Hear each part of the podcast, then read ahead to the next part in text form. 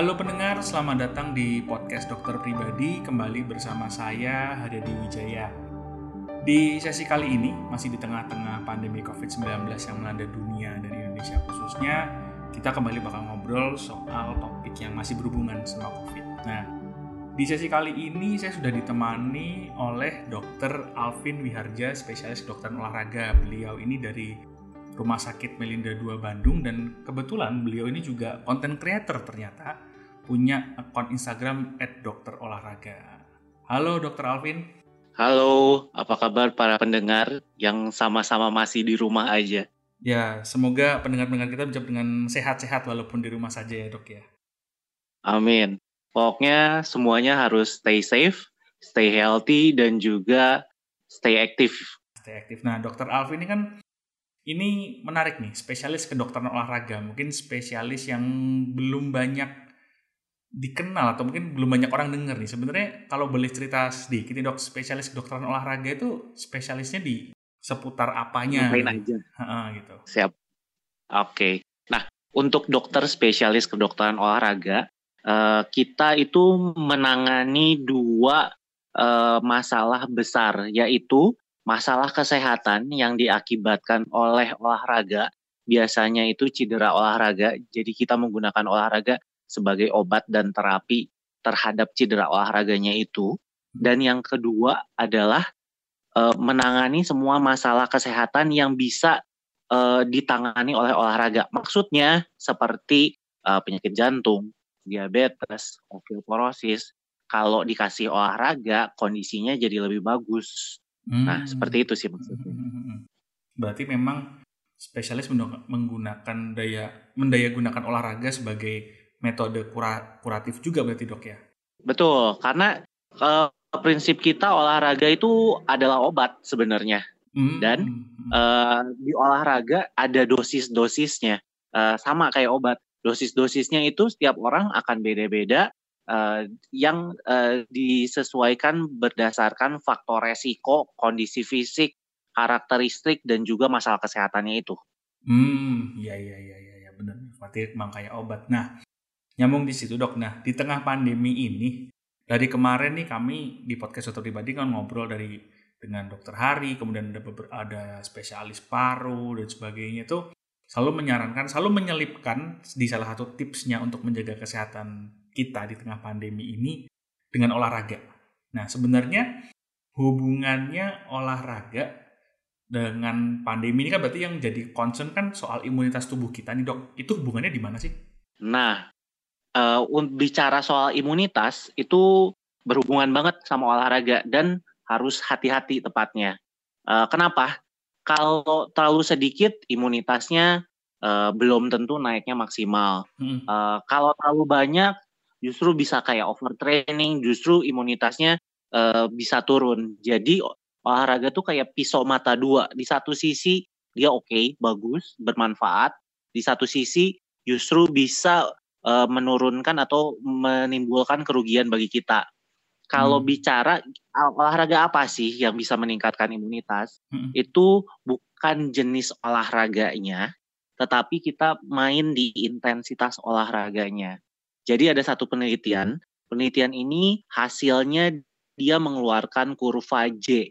Kurva J itu uh, jadi ada kurva yang uh, meni, me, menggambarkan faktor resiko uh, terhadap infeksi. Ketika imunitas, uh, ketika intensitas olahraganya itu rendah, ternyata resiko untuk terkena uh, infeksi itu menjadi tinggi. Ketika uh, ditambah si intensitasnya sampai dengan intensitas sedang, resiko untuk infeksi menjadi menurun. Namun balik lagi ketika oh, ditambah lagi jadi intensitas tinggi, resiko untuk terkena infeksinya jadi tinggi lagi. Sehingga pada saat ini sama seperti yang dikeluarkan oleh uh, eh, ACSM, American College of Sport Medicine, kami dari Perhimpunan Dokter Spesialis Kedokteran Olahraga sangat menyarankan untuk melakukan olahraga dengan intensitas sedang. Hmm. Kalau mau dimulai, boleh dimulai dari rendah hingga sedang. seperti itu. Iya, iya, ya, harus pas istilah porsinya. Nah, terus jadi pertanyaan gini, mungkin bisa deskripsi singkat dok, menggolongkan serendah, sedang, dan tinggi untuk orang yang awam nih, yang kita-kita ya yang biasanya ngantor, ah. itu tuh kita ngomong rendahnya di mana, sedangnya di mana, tingginya tuh di mana. Iya. Nah, kalau ngomong seperti itu, itu balik ke sayang sih. Kalau mau exact banget, exact banget itu bisa kita kategorikan berdasarkan uh, maksimal heart rate atau uh, detak jantung maksimal. Mm-hmm. Uh, dihitung dari detak jantung maksimal uh, dari rumus perkiraan 220 dikurangin umur, kemudian kita ambil persentase ke, ketika disebut rendah itu di bawah 64 persen, uh, untuk sedang 64 sampai 76 persen, uh, untuk tinggi di atas 76 persen tapi pusing kan jadinya ya. Hmm, betul, betul, pusing banget itu. Udah buka kalkulator Pusing kan jadi. nah, biasanya untuk mengakali seperti itu, kita menggunakan talk test. Uh, ketika masih bisa olahraga sambil nyanyi, sambil ngobrol lancar, ngobrol lancarnya tuh kayak nggak putus-putus ngomongnya seperti itu, itu kita anggap sebagai intensitas yang uh, rendah. Hmm, hmm, nah, ketika sudah mulai terbata-bata untuk ngomong, ketika terbata-bata untuk uh, apa berkomunikasi, itu kita sebut sebagai intensitas sedang. Dan ketika udah nggak bisa ngomong, udah balapan nih nafasnya, saking mungkin pengap juga ya, hmm. karena intensitasnya hmm. tinggi. Nah itu kita mencapai intensitas tinggi. Jadi analoginya seperti itu sih, gampangnya untuk dipraktekkan ketika kita tidak memperhatikan uh, denyut jantung. Hmm. Itu beda beda beda ke, apabila teman-teman punya heart rate monitor. Zaman sekarang kan orang-orang heart rate monitornya tinggal pakai smartwatch ya. Yeah. Atau chest band tepatnya -hmm. gitu. -hmm. Nah, kalau misalnya punya kayak gitu kita bisa ngitung dulu tuh yang maksimum heart rate yang pusing-pusingnya tadi. Jadi cuma tinggal kayak ngelihat jam, oh ini di sini nih. Atau ngelihat handphone, oh kita udah uh, ada di kategori sedang. Nah, seperti itu sih hmm. sebenarnya. Iya, iya, iya. Jadi ada dua cara kalau dari saya sebenarnya uh, menggunakan talk test atau menggunakan teknologi. Kalau teknologi mungkin akan lebih bagus. Hmm, tapi emang talk test itu lebih lebih gampang lah ya karena istilahnya kan ya sama iya. nafasnya kita sendiri sambil kita ngobrol juga juga ketahuan sih sebenarnya kan itu. Ya, ya, ya. Iya. Jadi kan semua orang bisa ngelakuin ya, nggak hmm. perlu uh, istilahnya keluar effort dulu bukan cuma finansial hmm. uh, tapi juga uh, secara uh, apa namanya secara uh, usaha untuk uh, mendapatkan uh, heart rate monitor atau smartwatchnya itu. Hmm, ya ya ya ya. ya. Nah kemudian pertanyaan jadi gini dok, uh, ketika tadi kita udah ngomong soal bahwa sebenarnya yang berhubungan dengan uh, meningkatkan imunitas itu bukan jenis olahraganya tapi kan intensitasnya nih. Nah ketika yeah. kita ngomong intensitas ini olahraga tuh menurut saya buat orang awam itu yang pembagian terbesarnya tuh justru sebenarnya di olahraganya indoor apa outdoor maksudnya gini indoor sama outdoor mungkin kalau kita yang tinggal di perkotaan itu banyak yang olahraga itu nge-gym ya kan uh, hmm. atau kalau teman-teman yang outdoor itu biasanya mungkin teman-teman yang suka lari atau teman-teman yang suka hiking atau sebagainya nah sebenarnya indoor atau outdoor ini pengaruh juga nggak Oke, okay. Uh, sebenarnya bukan masalah indoor outdoornya sih yang paling penting kalau kita uh, apa bicara preference olahraganya hmm. itu kan. Hmm. Yang sebenarnya itu sebenarnya uh, lebih ke arah kesukaan orang untuk berolahraga. Hmm. Semua olahraga tuh pada dasarnya baik sih. Jadi mau indoor mau outdoor itu sama aja. Uh, harus dilakukan secara rutin uh, untuk mendapatkan manfaat yang uh, kita harapkan seperti itu. Nah, uh, cuman di saat seperti ini yang harus diperhatikan itu uh, ada syarat tambahan yaitu keamanan. Keamanannya dalam artian keamanan untuk kesehatan kita dan juga kesehatan orang lain. Hmm. Sehingga uh, pada masa pandemi COVID-19 seperti ini yang disarankan olahraganya indoor dulu deh jenisnya uh, disesuaikan dengan uh, preference atau kegemaran dari teman-teman semua hmm. seperti itu dan kondisi juga ya kadang-kadang uh, senangnya lompat lompat-lompat tapi lututnya lagi sakit ya jangan dulu seperti itu harus uh, disesuaikan dengan kondisi. Tapi kan bisa misalnya uh, latihannya yang uh, sambil baring, sambil di lantai pakai matras seperti hmm. itu uh, bisa juga. Hmm. Nah, memang uh, bakal jadi lebih uh, sulit untuk uh, memilih uh, di antara semua pilihan yang saat ini sih nggak enak sih. Iya, iya benar-benar nggak enak semua memang. Betul. Jadi uh, pakai skala prioritas. Skala prioritasnya yang pertama keamanan dari kesehatan kita itu yang nomor satu sehingga indoor lebih disarankan daripada daripada outdoor kalau sementara ini. Preferensinya sesuaikan dengan kondisi fisik, uh, sesuaikan juga dengan kegemarannya. Kadang-kadang kalau ada orang nggak uh, suka untuk yang kayak uh, apa namanya tabata atau kayak uh, ta atau uh, kalestenik seperti itu disuruh ya nggak akan nggak akan dilakuin deh gitu maksudnya. Hmm, hmm, hmm. Berarti sebenarnya kembali melihat preference kita tuh kita yang istilahnya sukanya di mana yang kita memang bisa terus continue melakukan, kemudian intensitasnya dan faktor keamanannya yang kita perhatikan akhirnya dok ya.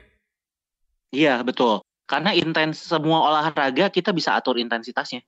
Iya, iya, iya, betul betul.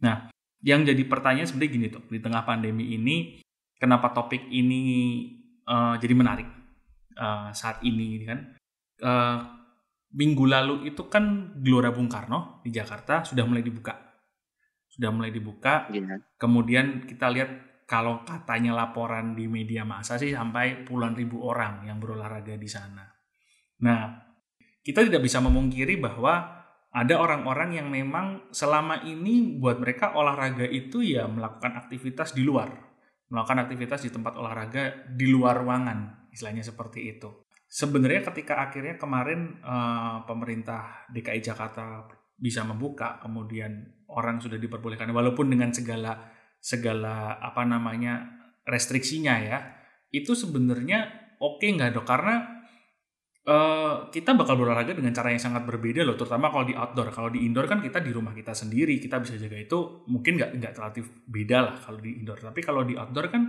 kondisinya hari ini bakal berbeda dengan ketika kita ngomong lari di GBK 4-5 bulan yang lalu dong. Iya betul.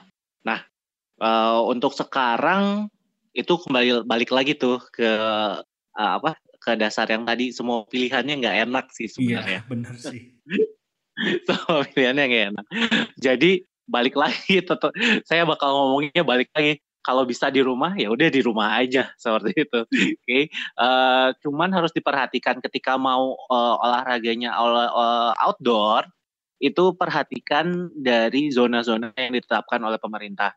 Hmm. Uh, kita bisa jaga diri, hmm. tapi kita nggak bisa uh, apa? Kita tidak bisa memastikan uh, ada kejadian yang nggak enak atau uh, ngejagain uh, dari tingkah laku atau misalnya aktivitas orang lain juga sih.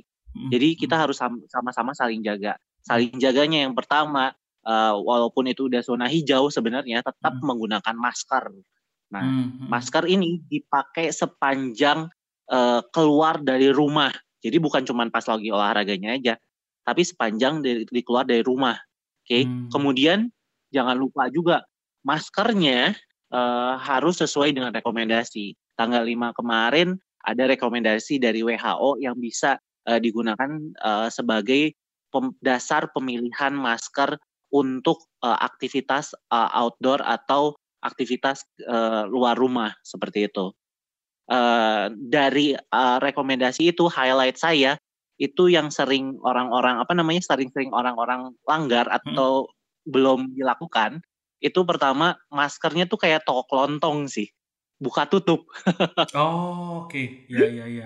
Benar, benar, benar. Jangan dibuka tutup kalau masker. Pakai ketika pergi dari rumah dan dilepas ketika sampai kembali ke rumah. Gitu. Hmm. hmm. Kemudian jangan dipegang-pegang bagian depannya. Hmm. Nah, ya, ya benar juga suka, suka pegang bener-benerin daerah hidung gitu kan biasanya suka gatel mungkin kayaknya uh. di daerah-daerah apa mulut hidung uh. atau bagian pipinya kayak gitu uh. sebisa mungkin ditahan jangan dipegang-pegang bagian depannya terus kemudian gunakan masker uh, dengan tepat kadang-kadang saya juga lihat maskernya nutupin sih tapi nutupinnya cuma daerah mulut doang lubang hidungnya tetap uh, terbuka hmm. nah itu hmm. juga jangan jangan dilakukan juga sih seperti itu. Uh, termasuk ketika berolahraga. Ketika hmm. berolahraga, uh, masker tetap dipakai. Tapi ada yang nanya, gimana dong dok kalau ngap?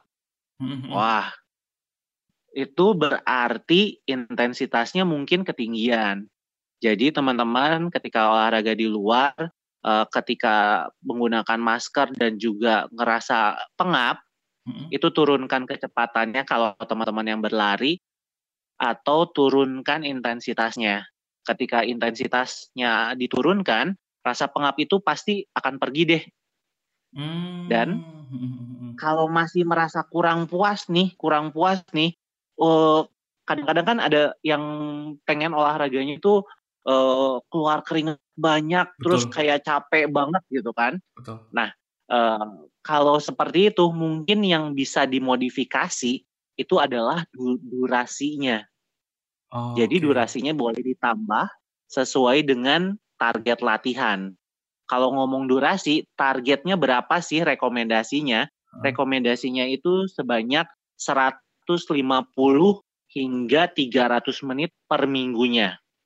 Seperti itu.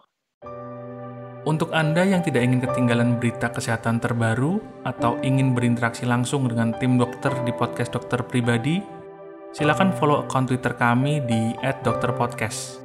Sekali lagi, akun Twitter kami ada di @dokterpodcast. Oke, dokter sempat bahas soal ngap ini, saya berarti mau mengklarifikasi nih karena uh, beberapa hari terakhir nih di sosial media tuh yang yang lagi viral itu adalah uh, ada saya nggak tahu itu kontennya awalnya dari mana yang pasti itu kejadian di luar negeri yang ada orang itu olahraga itu sepedaan atau lari saya lupa kemudian uh, dia kemudian pengap atau gimana karena dia pakai masker dan meninggal itu katanya karena apa keracunan CO2 atau karbon monoksida hasil dari itu itu berarti bukan ya dok itu murni berarti karena intensitasnya nggak sesuai dengan kondisinya apa gimana? Yang kalau saya baca itu sebenarnya dari eh, artikel-artikel itu saya juga ketemu sih artikelnya. Hmm. Reportnya itu belum detail sih, belum dijelaskan secara sains sih. Hmm. Mungkin ada faktor resiko penyakit yang lain.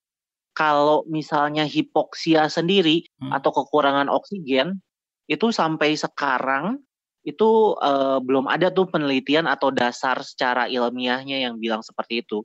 Yang saya temukan itu uh, mengenai masker N95 yang digunakan pada pekerja uh, yang melakukan aktivitas dengan intensitas uh, rendah hmm. itu memang dapat mengurangi volume oksigen yang masuk sih. Tapi dia tidak mengurangi saturasi. Saturasi itu yang mempengaruhi keadaan hipoksia atau kekurangan oksigennya itu. Jadi sebenarnya bukti medisnya masih belum kuat sih sebenarnya. Hmm. Nah, yang saya curiga atau yang uh, jadi pertanyaan karena uh, datanya kurang banyak itu mungkin dia ada faktor uh, resiko yang lain, misalnya seperti underlying disease-nya, mungkin obesitas, mungkin uh, ketidakaktifan dia atau sedentarinya, hmm. mungkin uh, penyakit jantung, mungkin uh, diabetik atau uh, keadaan paru-parunya yang kurang baik atau punya riwayat penyakit uh, paru atau penyakit lainnya sih. Nah itu yang harus didetailin karena kan uh, dari hasil penelitian mengenai COVID, uh, kejadian yang beresiko fatal itu ada di beberapa kondisi medis tertentu sih. Betul, betul. betul. Nah itu sebenarnya yang harus diinvestigasi. Hmm, hmm, hmm, oke, oke. Berarti memang memang memang sebenarnya kan ya kalau saturasi itu berarti kan ngomong kadar oksigen kan istilahnya sebenarnya. Presentase kadar oksigennya ya. kan, Dok. Dari saya sendiri sih sebenarnya eh, jangan menyalahkan maskernya dulu sih. Mm-hmm. Kita cari dulu, kita cari tahu dulu penyebab utamanya dan juga faktor resikonya. Ketika mm-hmm. semua sudah clear, eh, baru kita bisa menentukan eh, secara tepat apa yang terjadi pada eh, orang tersebut. Kalau gitu berarti nyambung ke maskernya nih dok. Berarti sebenarnya gini, kalau kita oke okay lah kita mulai mungkin coba-coba mulai olahraga keliling komplek, kan tetap harus pakai masker dong dok, ya kan istilahnya untuk untuk keamanan kita sendiri juga kan.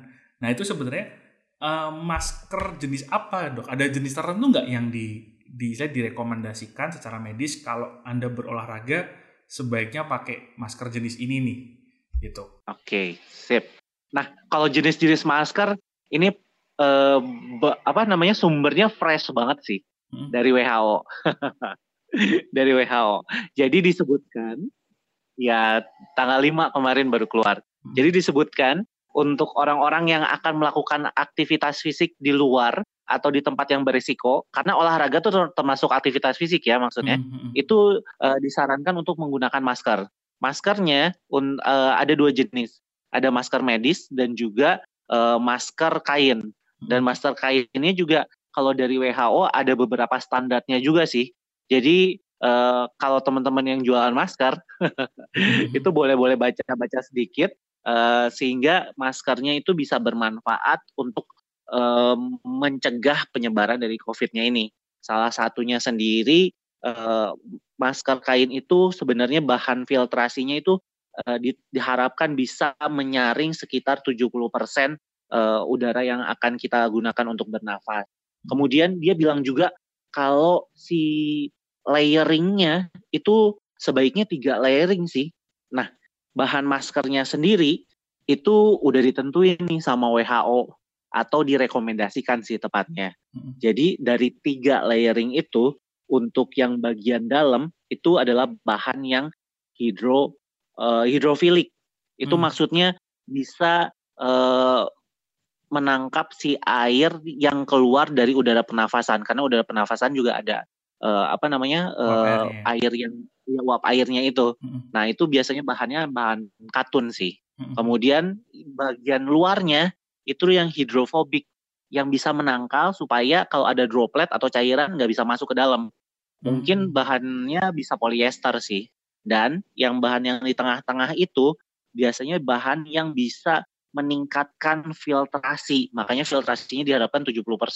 Mungkin bahan yang polipropilen seperti hmm. itu. Ya, ya, ya, ya. Kalau nanya ke saya bahannya seperti apa, saya juga kurang tahu ya. Mungkin ke toko kain mereka lebih ngerti sebenarnya. berarti memang berarti memang rekomendasinya memang tetap sebenarnya kalau untuk aktivitas fisik pun sebenarnya nggak jauh berbeda dengan uh, rekomendasi masker pada umumnya sekarang di rekomendasi WHO ya dok ya masker kain yang direkomendasikan oleh hmm. WHO kan sebenarnya. Hmm. Oke. Okay. Nah, yang cukup uh, menjadi perhatian dari WHO sebenarnya itu penggunaan masker medis sih. Uh, ketika teman-teman dari tenaga medis sudah tercukupi jumlahnya, hmm. uh, teman-teman atau rekan-rekan yang berusia lebih dari uh, 60 tahun hmm. dan juga yang punya faktor resiko hmm. itu bisa menggunakan masker medis. Hmm. Atau justru disarankan untuk me, uh, menggunakan masker medis. Cuman pastikan dulu uh, persediaan APD kita memadai untuk para tim medis di garda terdepan. Jangan sampai harganya naik lagi kayak kemarin. Iya benar-benar seperti sih. itu. Benar-benar. Apalagi memang gitu. kita masih kalau khususnya kita di Indonesia ini kan kurvanya kita kan ya masih terus menanjak ini dok ceritanya ini kan istilahnya. Iya.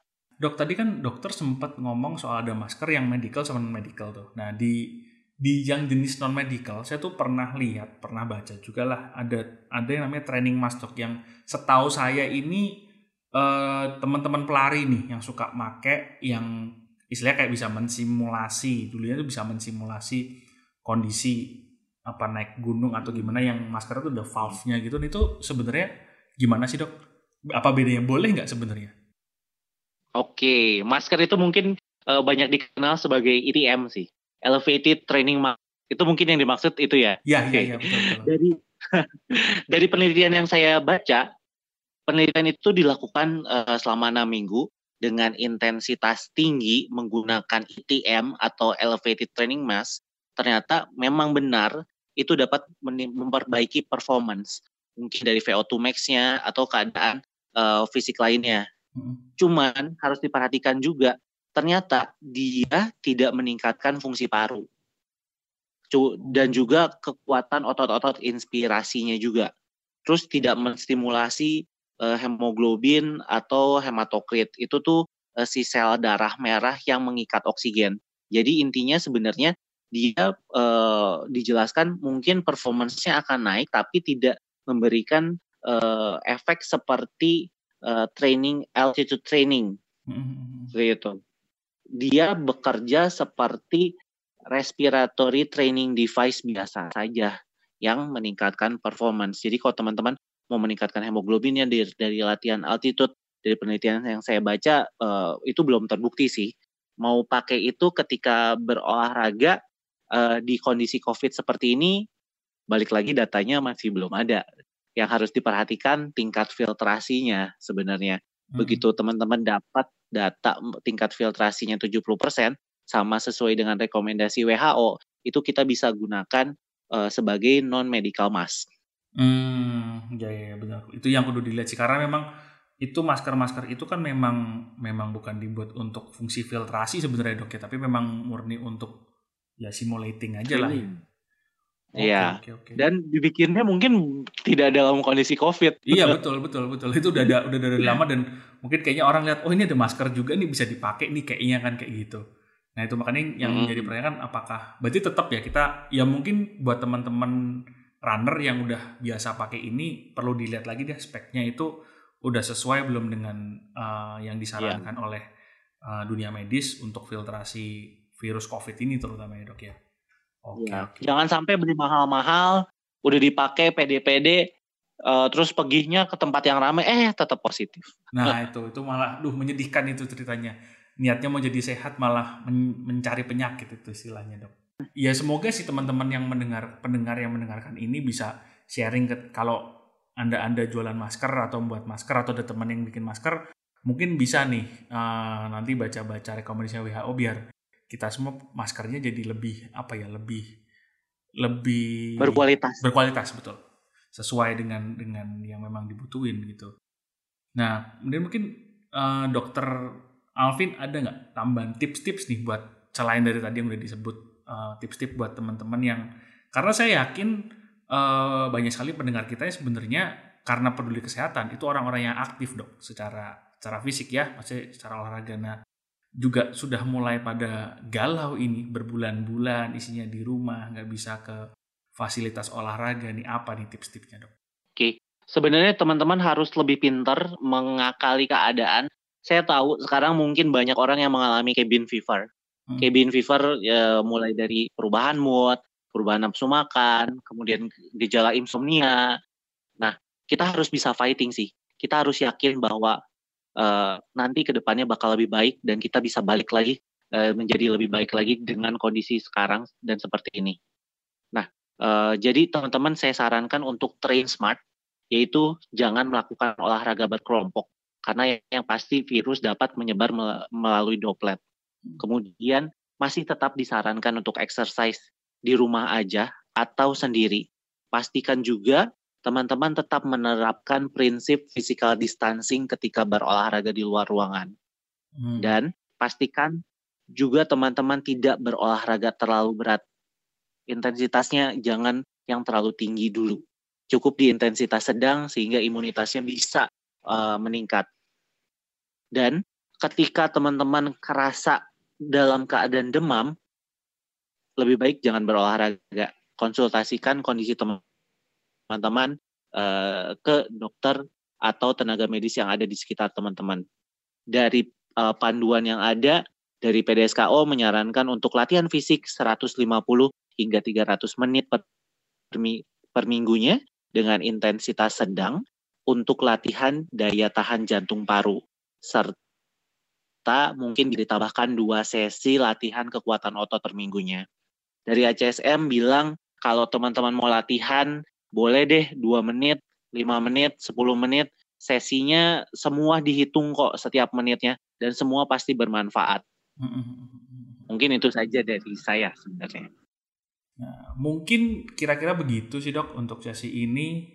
Sekali lagi terima kasih buat waktu dan sharingnya nih melengkapi ini semakin melengkapi informasi pendengar kita di tengah pandemi Covid ini walaupun sudah mulai buka-buka ini banyak banyak daerah yang mulai uh, apa namanya dibuka aktivitasnya terutama buat teman-teman yang udah kangen berolahraga mungkin sesi ini bisa memberikan informasi yang lebih mendalam soal bagaimana tetap berolahraga tetap training tapi dengan bijak gitu Oke, terima kasih Dokter Alvin.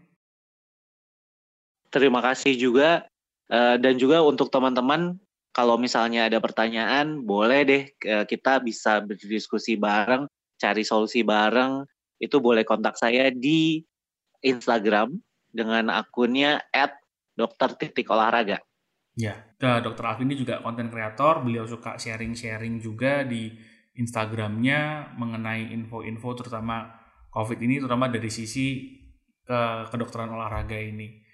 Bisa di tadi dicek di Instagramnya di @dokter.olahraga ya dok ya. Iya, betul oh. sekali. Oke, oke. Terima kasih Dokter Alvin untuk waktunya, untuk sharingnya. Mungkin kita nanti bisa berjumpa lagi di lain waktu. Terima kasih, sampai jumpa. ingin bertanya lebih lanjut mengenai topik sesi ini, atau ingin mengusulkan topik-topik kesehatan untuk kami bahas dengan ahlinya. Jangan lupa follow dan DM melalui akun Instagram kami di @dokter.pribadi.official. Sekali lagi, akun Instagram kami ada di @dokterpribadi.official.